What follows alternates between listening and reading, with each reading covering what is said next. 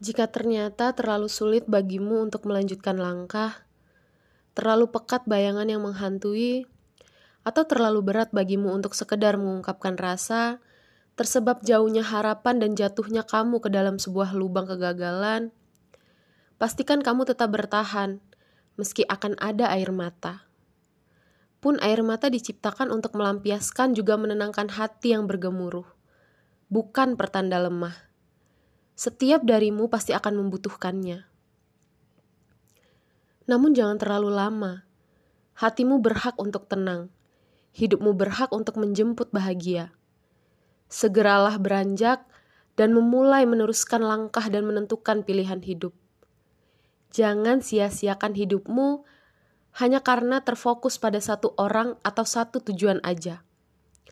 Untukmu yang sedang bersedih, ingatlah Awan di atas telah berkumpul untuk meneduhi setiap langkah barumu. Bersamamu untuk menentukan setiap pilihan.